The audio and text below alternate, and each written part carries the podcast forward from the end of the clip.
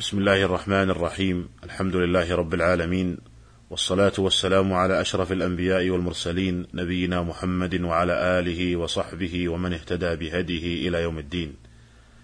أيها الإخوة المستمعون السلام عليكم ورحمة الله وبركاته. لا يزال الحديث موصولا عن أحكام صلاة الاستسقاء وسبق أن تكلمنا عما يسن قبل الخروج لصلاة الاستسقاء.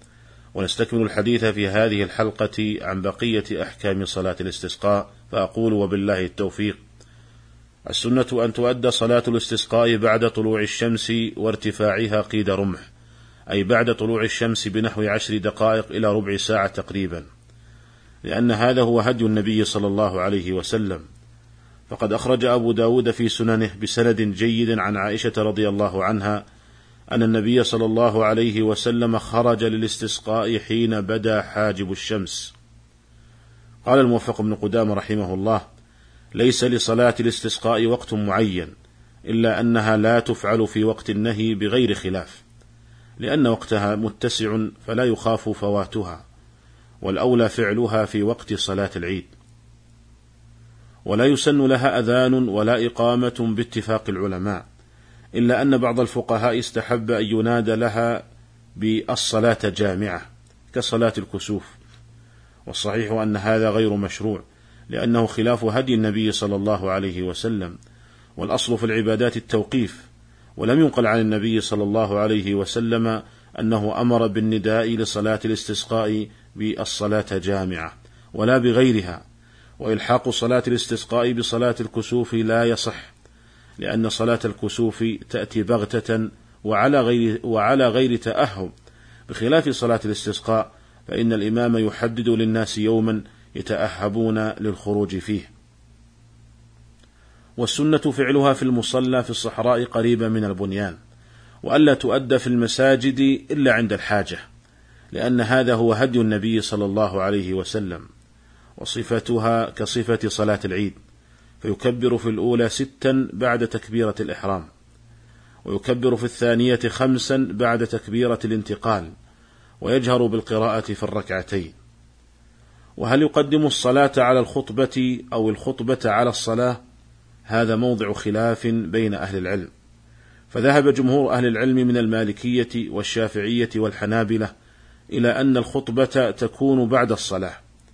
قال الحافظ بن عبد البر وعليه جماعة الفقهاء وذهب مالك وأحمد في رواية ثانية عنهما إلى أن الخطبة تكون قبل الصلاة.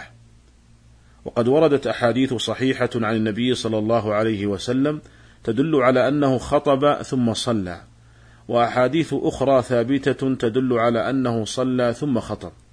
وإن كانت الأحاديث التي تدل على أنه خطب ثم صلى أثبت هي أثبت وأصح ولهذا فقد رواها الشيخان البخاري ومسلم في صحيحيهما إلا أنه قد ثبت بأسانيد حسنة أن النبي صلى الله عليه وسلم صلى ثم خطب ولهذا ذهب بعض أهل العلم إلى جواز الأمرين وأن الإمام يخير بين أن يقدم الخطبة أو الصلاة ولعل هذا القول هو الأقرب في هذه المسألة وهو رواية عن الإمام أحمد اختارها ابن أبي موسى والمجد بن تيمية من الحنابلة وقد اختار هذا القول كذلك سماحة شيخنا عبد العزيز بن باز رحمة الله تعالى على الجميع.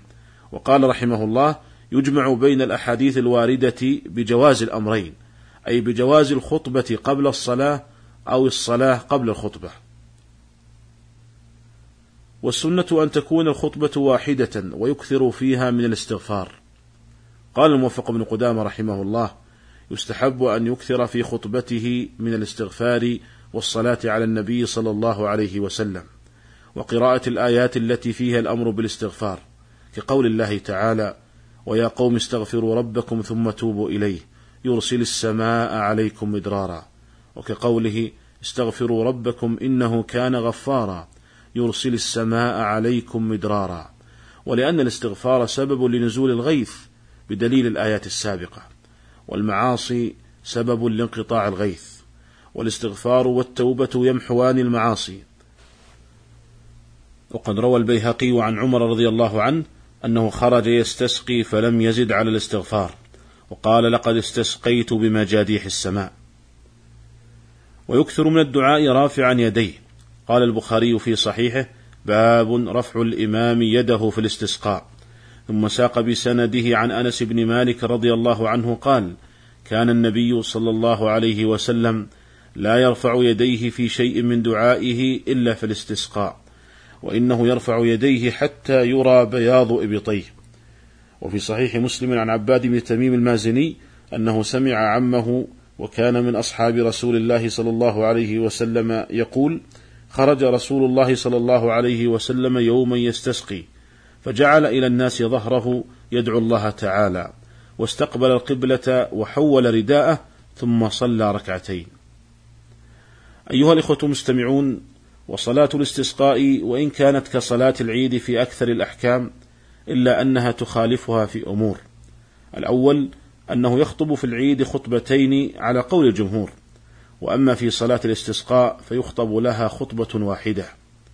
الثاني أنه في صلاة الاستسقاء تجوز الخطبة قبل الصلاة وبعدها وأما في صلاة العيد فتكون الخطبة بعد الصلاة. الثالث أنه في خطبة العيد تبين أحكام صلاة العيد بينما في الاستسقاء يكثر من الاستغفار والدعاء بنزول الغيث. والسنة إذا أراد أن يدعو في الخطبة أن يحول رداءه. قال البخاري في صحيحه باب تحويل الرداء في الاستسقاء. ثم ساق بسنده عن عبد الله بن زيد رضي الله عنه أن النبي صلى الله عليه وسلم استسقى فقلب رداءه. قال الحافظ ابن حجر رحمه الله المعنى قلب رداءه في أثناء الاستسقاء. وقد بينه مالك في روايته ولفظه وحول رداءه حين استقبل القبلة. ولمسلم أنه لما أراد أن يدعو واستقبل القبلة وحول رداءه. قال الحافظ ابن حجر فعرف بذلك أن التحويل وقع في أثناء الخطبة عند إرادة الدعاء. وصفة التحويل أن يجعل ما على الأيمن على الأيسر وعكسه.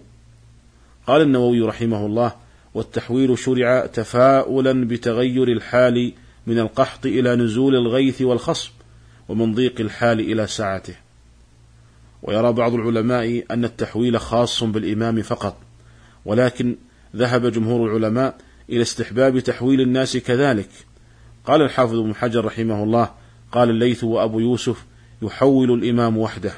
واستحب الجمهور أيضا أن يحول الناس بتحويل الإمام.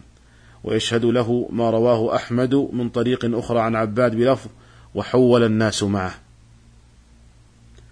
وهل تحول المرأة عباءتها في صلاة الاستسقاء؟ قال سماحة الشيخ عبد العزيز بن باز رحمه الله إذا كانت المرأة تتكشف عند تحويلها للرداء في صلاة الاستسقاء والرجال ينظرون إليها فإنها لا تفعل. لأن قلب الرداء سنة والتكشف أمام الرجال فتنة ومحرم.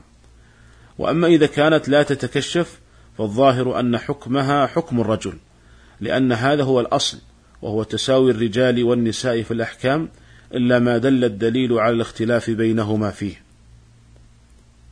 ومن أحكام صلاة الاستسقاء أنهم إذا سقوا قبل خروجهم لصلاة الاستسقاء لم تشرع في حقهم صلاة الاستسقاء. ولا حاجة للخروج حينئذ. قال الموفق بن قدامة رحمه الله فإن تأهبوا فسقوا قبل خروجهم لم يخرجوا. وشكروا الله تعالى وحمدوه على نعمته وسألوه المزيد من فضله. وإذا زادت المياه فخيف منها استحب أن يقال اللهم حوالينا ولا علينا. اللهم على الضراب والآكام وبطون الأودية ومنابت الشجر. والسنة عند نزول المطر أن يحسر ثوبه حتى يصيبه المطر. ففي صحيح مسلم عن أنس رضي الله عنه قال أصابنا ونحن مع رسول الله صلى الله عليه وسلم مطر. قال فحسر رسول الله صلى الله عليه وسلم ثوبه حتى أصابه المطر. فقلنا يا رسول الله لم صنعت هذا؟ قال لأنه حديث عهد بربه.